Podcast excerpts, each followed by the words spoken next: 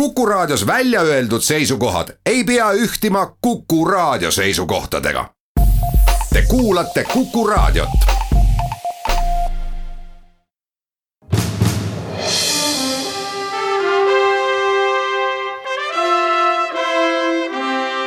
vahetund Postimehega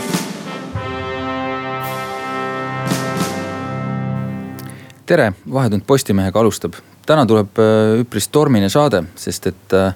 räägimegi Lõuna-Eestit tabanud äh, suurest tormist. ja mis me selle tagajärgedest oleme seni teada saanud ja õppinud, seda nii laiemalt riigi toimimise seisukohast kui ka sellest, mida iga üksik inimene ise võiks teada või osata või osata tähele panna stuudios on Karl-Eduard Salumäe Postimehe arvamustoimetusest ning saatejuhi rollis olen mina, Urmas Jaagant Postimehe uudistetoimetusest. Äh, aga alustaks äh, nii-öelda laiemast vaatest, et, et mis siis nagu juhtus, et kui see asi nagu ühte lausesse kokku võtta, siis põhimõtteliselt lõikasid mõned tükid katuseplekki kõikidest kommunikatsioonidest lahti terve Võru linna ja ka üsna suure osa maakonnast. Tormil oli ka teisi tagajärgi veel kõrvalmaakondades terves Lõuna-Eestis ja kahjud, ütleme, pole kõik siiamaani veel kokku loetud, aga, aga puudutas see väga paljusid inimesi. Võrus konkreetselt siis kadus koos elektriga ka veevarustus ja peaaegu kogu mobiililevi oli mingil hetkel, mingil hetkel maas. päästeautod ei saanud kütust, kauplustest ei saanud toitu ega vett ja nii edasi me saame ju kõik aru, et äh, tegu on sellise erakordse situatsiooniga ja selliseid tuleb ette mm, harva, äh, kus kõik asjaolud niimoodi kokku langevad. samuti me oleme praeguseks teada saanud, et nagu elektrimehed nii-öelda ise on väitnud, jäi mõned sentimeetrid puudu, et see, et see kriis oleks olnud äh, kordades hullem, kui ta, kui ta praegu nagu osutus olevat. et ähm, kõigeks selleks ilmselt lõpuni valmis olla ei saagi, aga alati pärast sellist sündmust, kus Äh, ju veel praegugi käivad, äh, nagu uudistest ka äsja kuulsime, nagu taastamistööd ja kõik ei ole veel elektrit tagasi saanud. Ähm, võib ju küsida, et, et ähm, kas riik sai toime ja kui hästi sai või, või, või äkki ei saanud ja mis siis nagu puudu jäi. et ähm, milline sinu nii-öelda kõige üldisem kokkuvõte oleks, Karl, sellest, mis me praegu teame? no ma arvan, et, et äh, konkreetsel juhul tuleb ikkagi sellest samast algusest ja põhipõhjusest rääkida, ehk siis sellest õnnetust äh, Võru alajaama katusest. et äh, kui me oleme noh, kui me räägime äh, elektrivõrgu ja, ja, ja taristu niisugusest töökindlusest, ilmastikule vastupidavusest. ka selliste tormisemate ilmadega siis nii-öelda mõistlikul määral töö jätkamisest ja nii edasi. siis tavaliselt me ei räägi sellest, et ka kõik muu elektrivõrgu juurde käiv taristu peab samuti olema korras ja, ja tasemel ja ilmaga toime tulema.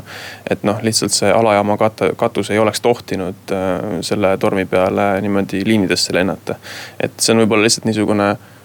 konkreetsel juhul natukene uus tahk ja, ja mingisugune mõõde sellele diskussioonile.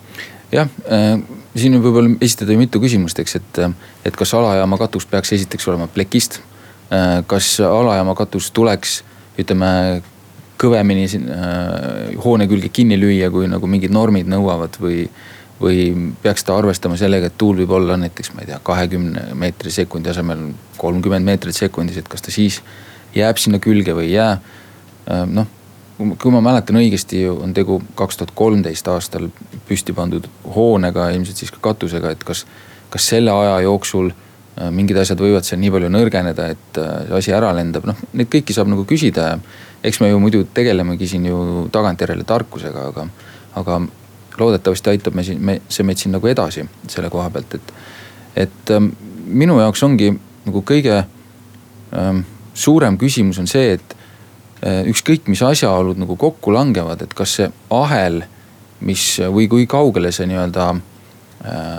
hädaahel läheb äh,, peaks olema ikkagi nii suur, et see nagu terve linna nagu sisuliselt ära lõikab või nii-öelda kõik kommunikatsioonide otsast välja võtab, et. et ähm, see tekitab nagu sellise küsimuse sellest haavatavusest, et, ähm, et kui terve Võru linn on ühe alajaama otsas, ähm, kogu selle vee, sealne veevärk on ühe, ühe sellesama alajaama juhtme otsas, et. et see kõik tekitab sihukese, sihukese tunde, et kuidagi kole lihtne on see, äh, see ahel nagu käima lükata, see ahelreaktsioon, mis siis, mis siis ulatub nagu justkui liiga kaugele, et mulle tundub, et seal peaks kuskil vahepeal peaks olema mingisugune, mingisugune doominoklõts, mis ei kuku ümber ja jääb nagu, jääb nagu püsti ja jätab ka seal tema taga olevad asjad nagu püsti, et, et äh, see on minu jaoks kõige suurem nagu küsimuse koht, et kuidas see nagu nii läks. just, et äh, siin selles viimaste päevade arutelus ja, ja analüüsis on ka räägitud sellest, et tahame või ei, et äh, meie sõltuvus just nimelt elektrist äh, aastatega suureneb. noh, üks väga lihtne näide, et, et äh, tänapäeval moodsad robotlüpsilaudad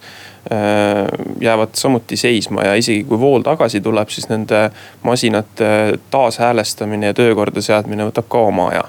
ja, ja nii ongi, et iga niisugune kriis tuletab meile seda sõltuvust elektrist meelde noh, omaette küsimus on see, et kui kauaks see õppetund meelde jääb ja kas siis äh, reaalselt äh, hakatakse ka midagi muutma, kohendama, et, et seda sõltuvust kuidagi vähendada, mingisuguseid dubleerivaid süsteeme luua.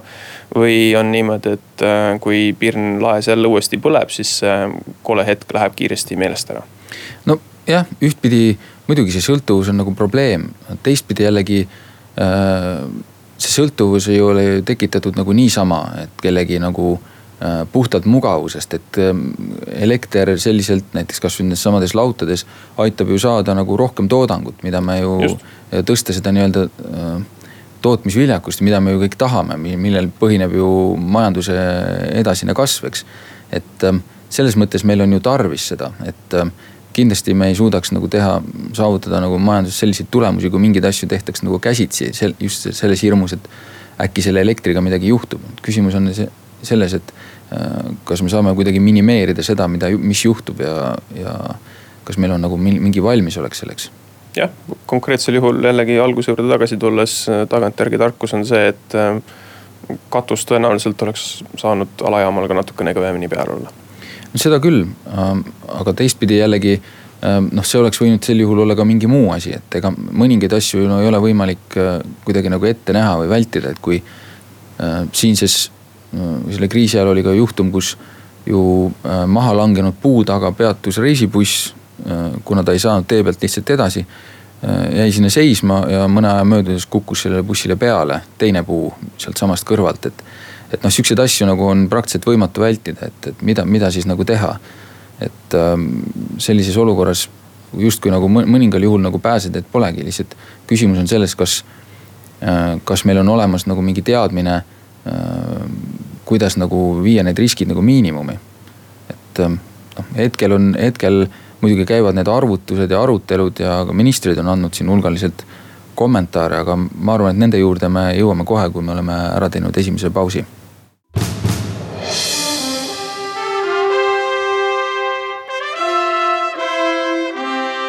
vahetund Postimehega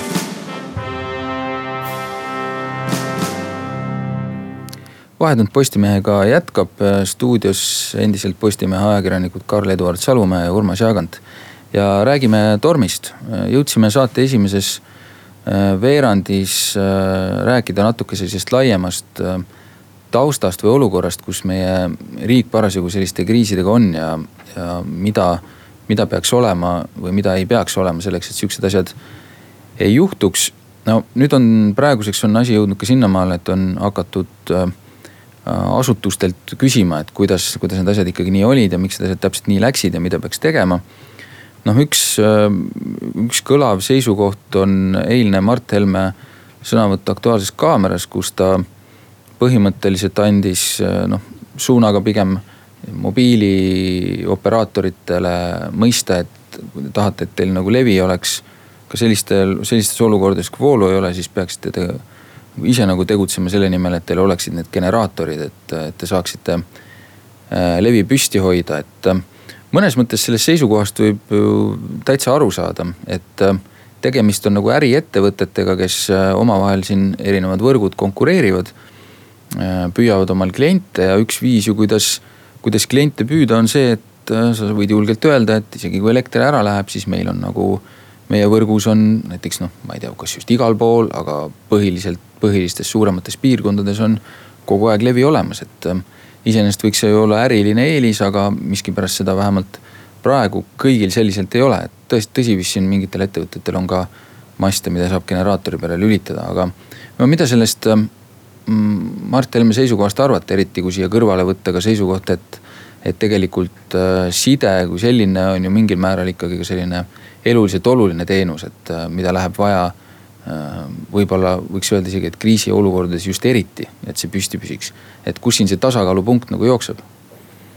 no võib-olla alustuseks võib jällegi nagu korrata seda tõdemust, et õnneks on sellised kriisid ja olukorrad meie elus nii palju haruldased et äh, sel hetkel, kui need on akuutsed, siis loomulikult äh, kõik, kes on mingil moel hätta või jänni jäänud, on hirmus tigedad. Aga see kriis läheb mööda ja see läheb meelest ära. ja noh, mis puudutab sideoperaatoreid, siis teadupärast noh, kliendid hääletavad oma rahakotiga või jalgadega, olenevalt selle teenuse olemusest kui selline varugeneraatorite olemasolu kriisi puhuks oleks äh, nõnda kaalukas niisugune äriline eelis, et, et sellega on võimalik endale klienti juurde võtta, siis noh, küllap need generaatorid oleksid neil ka olemas. Mart Helme muidugi ei rääkinud mitte ainult äh, sidest, vaid ka erinevatest äh, ettevõtetest, kes samuti oma tegevuse peavad elektri ära kadudes seisma jätta, on see siis mingisugune juustutehas või, või, või farm või midagi muud niisugust. Noh, see nüüd jälle oleneb konkreetsest äh, ettevõttest ja olukorrast, aga siin mitmedki ettevõtted, kes on praegu hirmus kurjad äh, on märkinud seda, et, et neil poleks ka parima tahtmise juures selliseid generaatoreid, mis, mis neid ise välja aitaks kuskilt võtta, et. Äh, selles mõttes ministri kriitika oli natuke niisugune laia lauaga löödud, nagu, nagu tema puhul ikka. eks see oligi laia lauaga, aga, aga põhimõtteliselt see, see noh hea tahtmise juures seda pointi sealt võib ju, on ju selgesti nagu tajutav, et, et mingil määral ikkagi vastutab igaüks ka ise selle eest, et kuidas ta äh,, kuidas ettevõte saab oma nii-öelda toodangut edasi toota või teenust edasi pakkuda sellises olukorras, kus, kus kõik ei ole nagu normaalne, et. et äh, me võime mõelda ju ka selliste situatsioonide peale, kus äh,,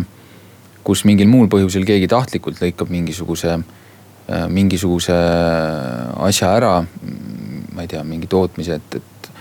äh, või noh, näiteks ütleme elektriühenduse, et siis me võime seista sellise olukorra ees, kus meil, kus äh, nii-öelda kellegi kurja soovi tõttu ei ole meil mingisugust teenust võimalik saada, et, et siis, kas siis ei ole nagu pigem nagu ikkagi mingil, mingil määral riigi, riigi ülesanne see, et ikkagi kuidagi suuta nagu tagada sest et ähm, elektrit läheb vaja ka selleks, et näiteks mingisuguse vaenlase vastu seista või mis iganes. et kahtlemata jah, et, et äh, eks see ongi niisugune igavikuline tasakaalupunkti otsimise koht taaskord, et äh, tõepoolest, et äh, noh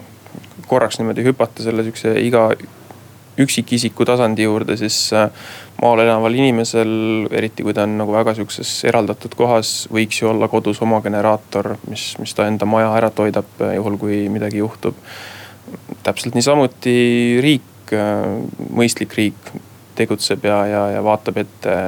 nendes nihukestes mänguruumides ja piirides, mis tal on olemas, et, et.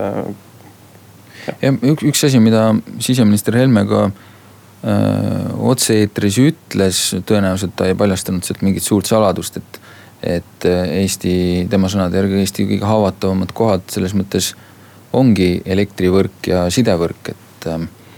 et noh, ma eeldan siis, et tegelikult selle probleemiga ka nagu tegeletakse järjepidevalt, et seda nagu tugevdada, et et aga ütleme, tulles tagasi selliste tavaliste kodumajapidamiste juurde, me jõuame nende juurde ka lähemalt, aga, aga nüüd veidi laiemas vaates on ikkagi, vist ei ole mõtet Eestis nagu loota olukorda, kus meil oleks äh, kõik liinid kaevatud maa alla ja tuul neile enam mingit, mingit häda teha ei saa, et. et sellist olukorda meil tõenäoliselt tulemas ei ole ja tõenäoliselt me ei saa ka nagu lõpuni kunagi vältida seda, et mingid puud kuhugi peale kukuvad kindlasti mitte jah, ja, ja ilmselt me ei saavuta vähemalt sihukeses nähtavas tulevikus ka niisugust olukorda, kus need maapealsed äh, taristu osad, mastid, postid, liinid on, on sellise vanuse juures. Äh, et äh, noh, pole nagu häda, et, et tõenäoliselt jääb Eestis vähemalt jah, nihukeses lähemas tulevikus valitsema see olukord, kus meil on jätkuvalt ka väga palju vanu ja tegelikult vahetamist vajavaid poste, liine, kõike muud säärast. jah, mul, mulle meenub sellega seoses üks üks huvitav kild, ma usun, et see võib täitsa olla tõsi, mida mulle räägiti kunagi Norras, et mis on Norra elektrivõrgu kõige suurem probleem siis üsna rikkas riigis. see on nimelt rähnid, kes siis kuskil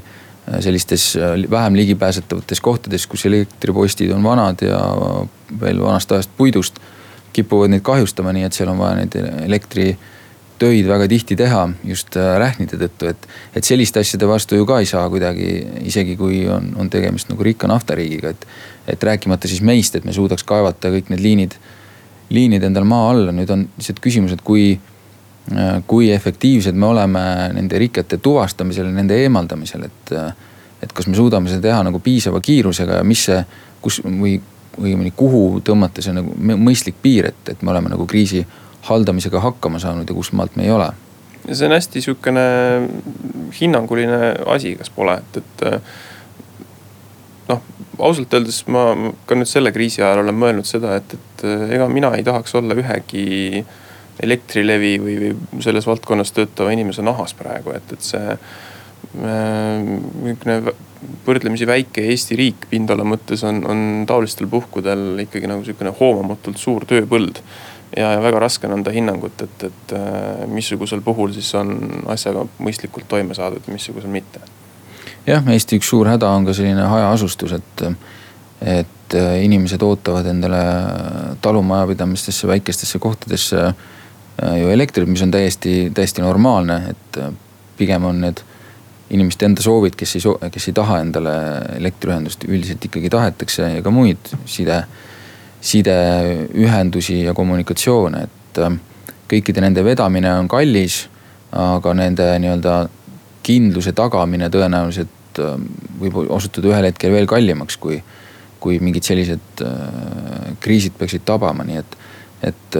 noh, Eestil on siin nagu kindlasti valitsusel nagu palju kohti, kus mõelda, üks üks väga oluline asi, mida, millest alati nende kriiside puhul on selles mõttes nagu kasu, et need toovad välja sellised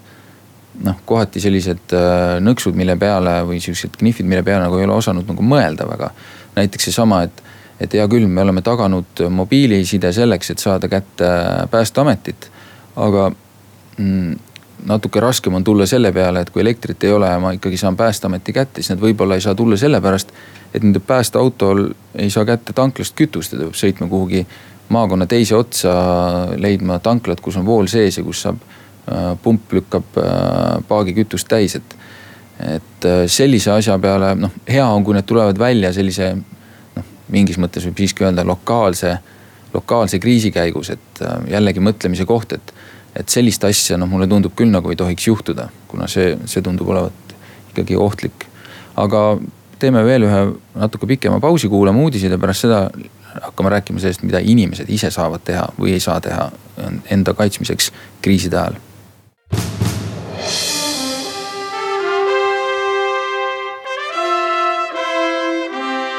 vahetund Postimehega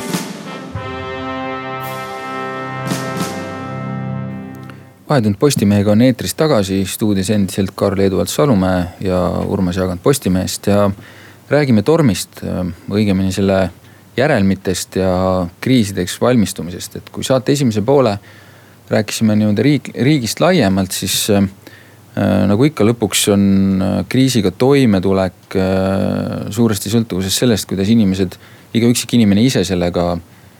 ise sellega toime tuleb ja hakkama saab, et äh, noh, palju on, palju on räägitud ka sellest äh, ka siin varasemalt ja riik on koostanud ka siin mitte, mitte kaua aega tagasi sellise. andnud ka spetsiaalselt teada, mismoodi kriisideks valmistuda, on tehtud selline juhend. on olemas kodulehekülg kriis.ee, igaüks võib vaadata, seal on üsna põhjalikult äh, kirjeldatud, mismoodi erinevate näiteks teenuste katkemisel, mida peaks mõtlema, läbi mõtlema, kuidas selleks valmistuma äh, üks teema selle juures muidugi on tänapäeva ühiskonnas sihuke äh, justkui õpitud abituse äh, nii-öelda kriitika, et, et inimesed ei oska enam äh, toime tulla ilma nende teenusteta, millega nad iga päev harjunud on ja millega ju üldjuhul ei ole üldse mingeid probleeme. seda tuleb ette väga harva, kui nendega mingeid muresid on. et on see, on see nagu teema või, või tegelikult on see kriitika nagu õige või, või pigem nagu mitte, kuidas sulle tundub? Hästi raske on seisukohta võtta, et see õpitud abituse jutt on natukene nagu sihukene viimastel aegadel inimesi hirmsasti erutav pehmode jutt. et noh, väide on õhus, väide ringleb, et inimesed ei oska, inimesed on noh abitud, eks ju äh, harjunud kuidagi sellega, et alati tuleb mingisugune müstiline keegi või miski ja lahendab selle probleemi ära. noh,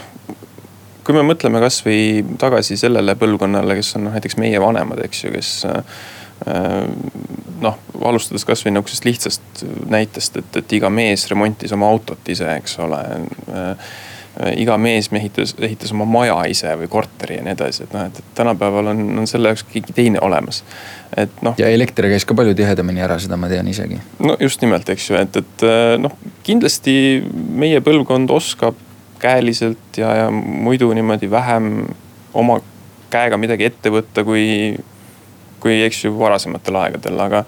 aga, aga et, et kas see on niisugune massiline probleem ja, ja me liigume nagu suure hooga selles suunas, kus ma ei tea, kümne aasta pärast täiskasvanud inimesed ei oska enam hästigi paelagi siduda, eks ju, et noh. Ma selles võib-olla kahtlen. Jah, see suuresti sõltub moest, kas krõpsuga tossud tulevad uuesti moodi või ei tule, aga, aga ma olen õpitud abituse osas olen selles mõttes sinuga nõus, et äh, ta ongi õpitud ja võib-olla on nagu ka asja ees, sellepärast et äh, meie elu nagu lähebki järjest mugavamaks ja miks ta ei peaks minema, et äh, mulle endale tundub kohati natukene kummaline, näiteks kui ma loen ka seda äh, kriis.ee lehekülje pealt neid juhiseid, siis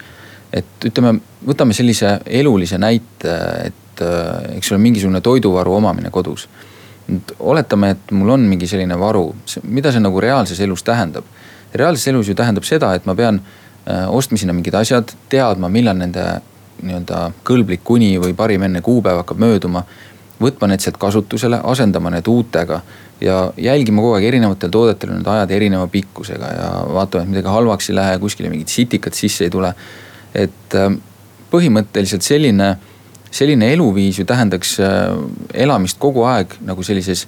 kriisiks valmistumise situatsioonis, et sul kogu aeg kuklas nagu tiksub, et äh, kas ma olen ikka vaadanud, kas mul need helbed seal varus veel kõlbavad või peaksin need juba välja vahetama, need ära kasutama. et mulle ei tundu see nagu tegelikult kuigi mõistlik. teistpidi jälle mõeldes, mingisugune varu võiks ju kodus olla, kasvõi ei pea olema selleks kriis, vaid lihtsalt on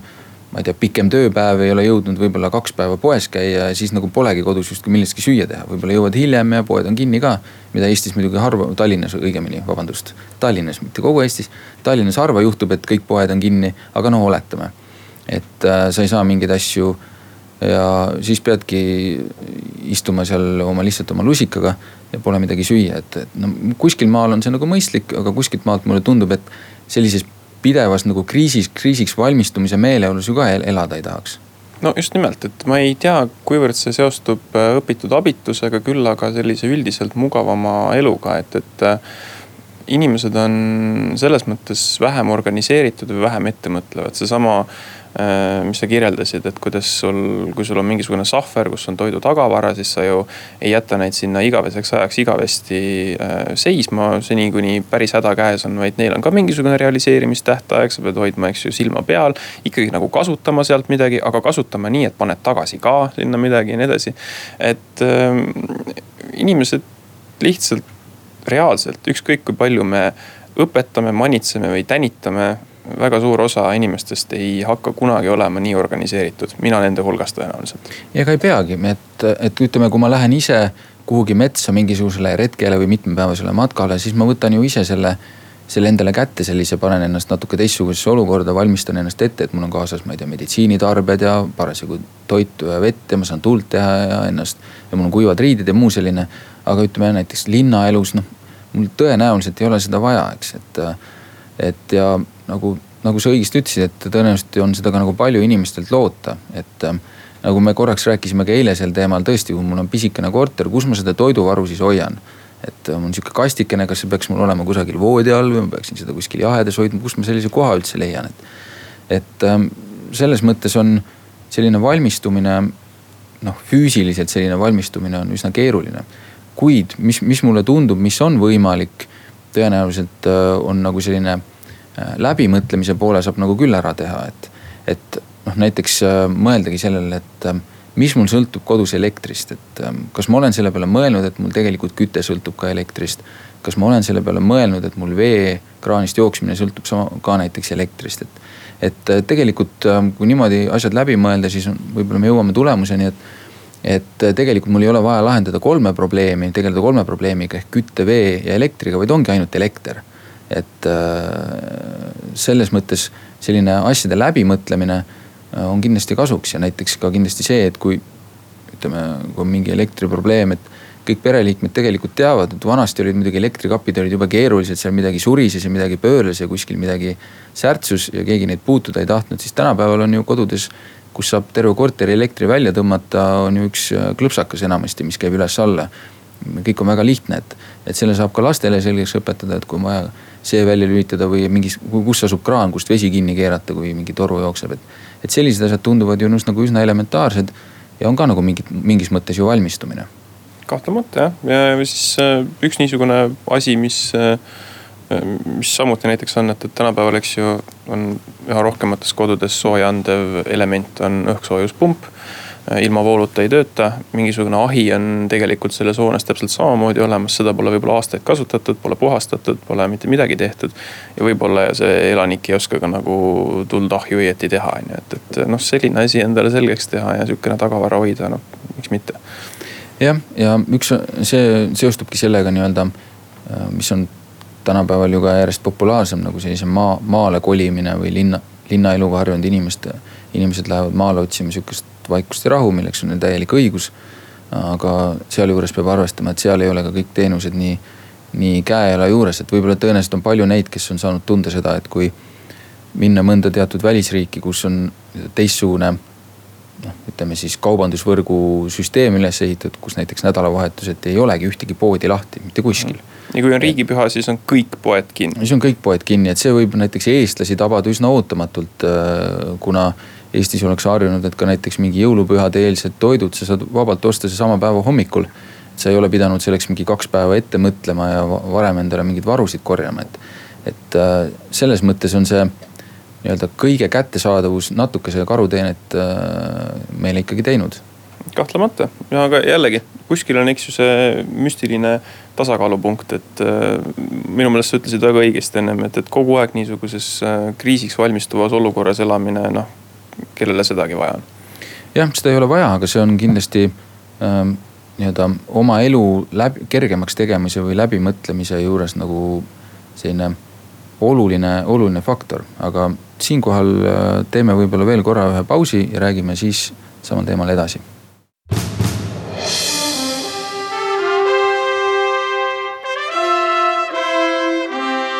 vahetund Postimehega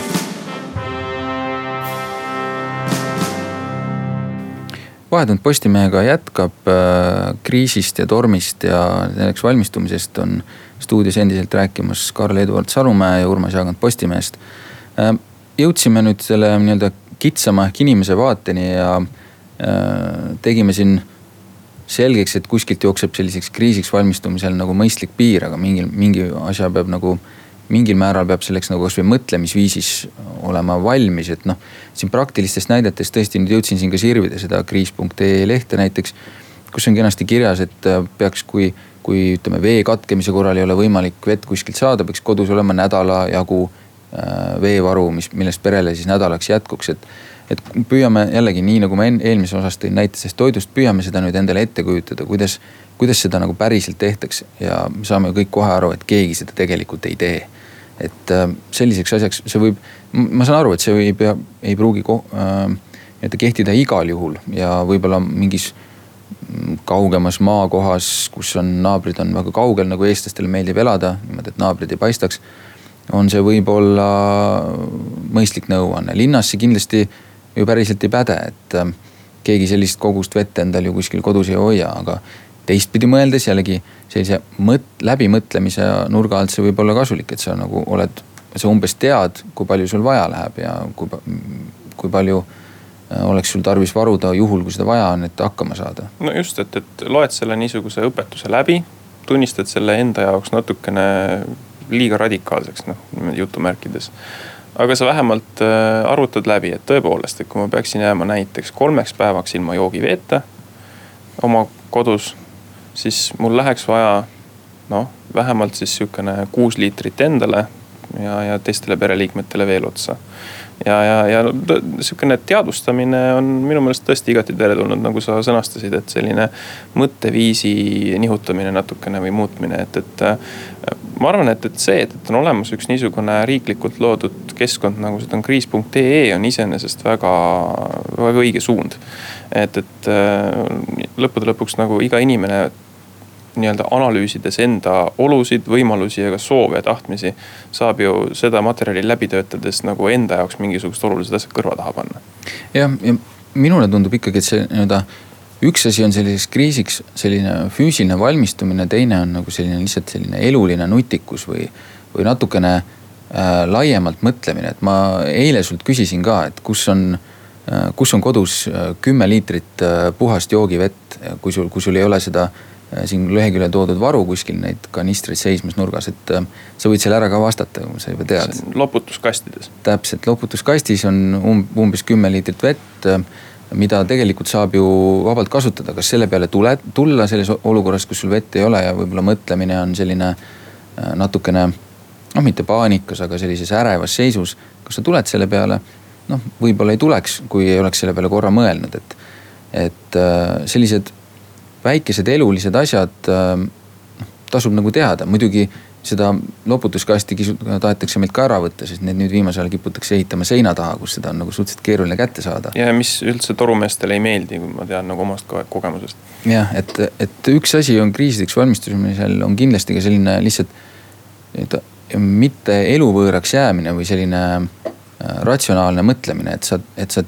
tead mingeid asju, mis sul käepärast on, näiteks noh, näiteks see, et kui soo-, soo-, soojavarustus on kodus katkenud, et siis kolida nagu kogu perega nagu ühte tuppa, kus hoida seda nagu sooja, et. et mitte, mitte proovida hoida soo-, temperatuuri kõrge nagu terves korteris, vaid ühes,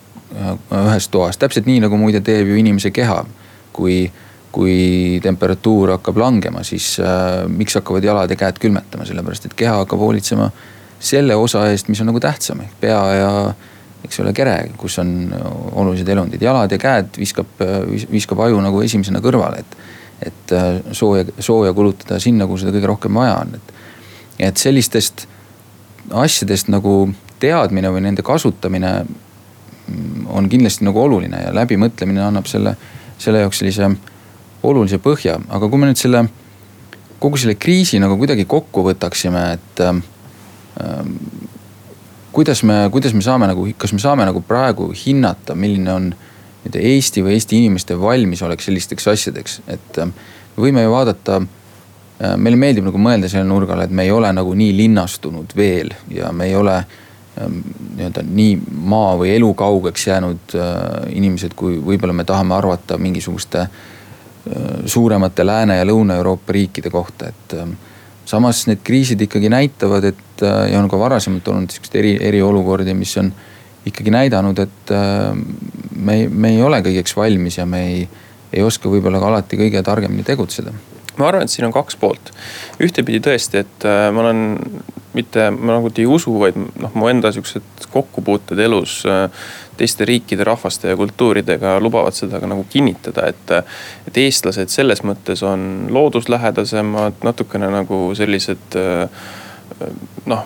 vähem abitud kui, kui tõesti nagu selliste riikide elanikud, kus esiteks on see asustus palju tihedam ja teiseks, kus ei ole tuldud sellisest ajast, nagu on Eestis tuldud näiteks nõukogude ajast, kus lihtsalt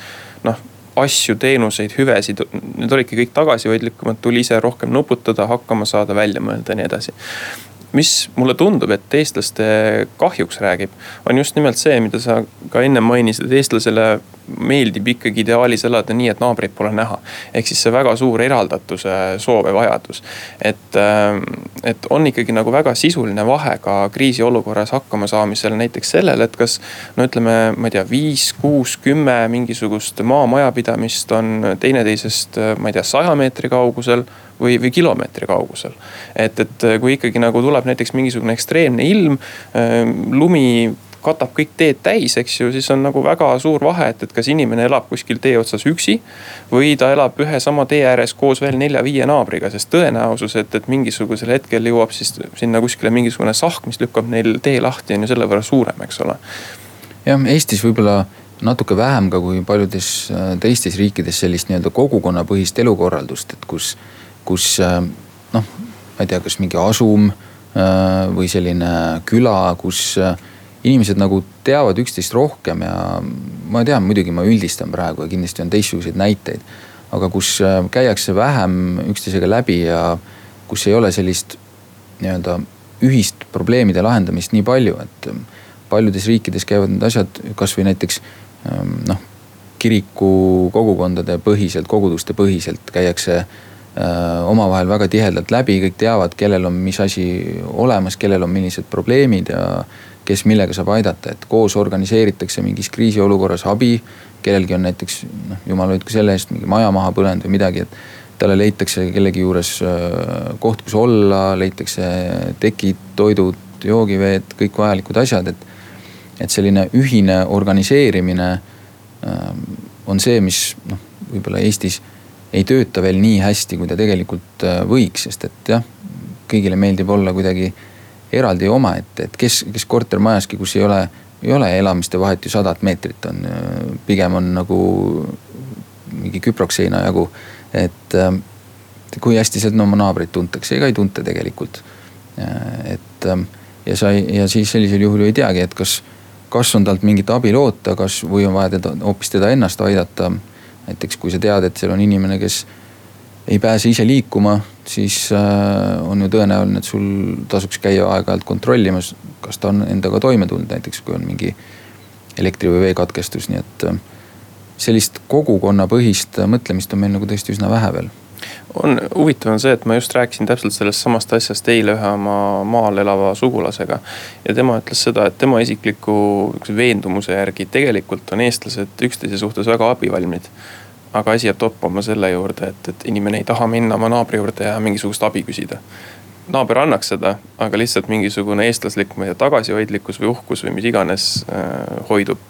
hoiab teda siis nagu nii-öelda pöördumast. jah, et äh, abi on olemas, aga tegelikult ei teata, mis abi või kus on vaja. et äh, võib-olla see on ka nagu selle üldise selle tormi olukorra nüüd kokkuvõte, et, äh, et me, me sellised olukorrad kaardistavad väga hästi äh, ära, mis on need nii-öelda kitsaskohad, et me võime siin teha hulgaliselt kriitikat, aga mis me oleme teada saanud, on see, et äh, meil on tõepoolest mingi, mingite asjadega probleemid ja ütleme, kui laua peal kriiside läbimängimine ei pruugi alati kõiki neid asju välja tuua, siis üks selline korralik torm kindlasti need välja toob. Ja täpselt samamoodi võiks öelda ka üksikisiku puhul kriisiks valmistumisel, et võib-olla tasub lihtsalt mõnikord mõni asi mänguliselt läbi teha või näiteks minu enda isiklik kogemus, kui oled korra teinud äh,, proovinud teha läbi autol rattavahetuse, siis sa saad teada, kas see võti, mis sul autos kaasas on, kas see päriselt sobib su autole, et sa saaksid äh, need poldid lahti keerata, et. et ei tahaks sellist asja avastada kuskil üksikul maanteel, kus on päriselt tarvis nagu ratast vahetada, et. et võib-olla võiks ka sellised asjad läbi mängida natukene oma näiteks kasvõi perekonna sees, et. et teeme nii, et meil täna elektrit ei ole, et mis me teeme, et siis võib-olla siis tuleb välja see, et kas kodus on olemas tegelikult mingi küünal või kas keegi teab, kus, kus midagi asub või kust midagi saab, et, et ähm, nüüd me oleme siin Eestis ühe jälle ühe tormiga saanud sellise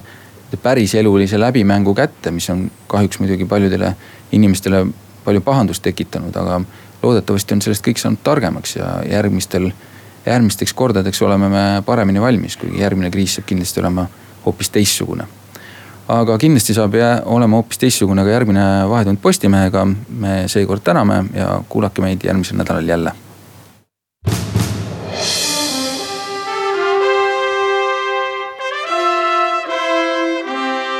vahetund Postimehega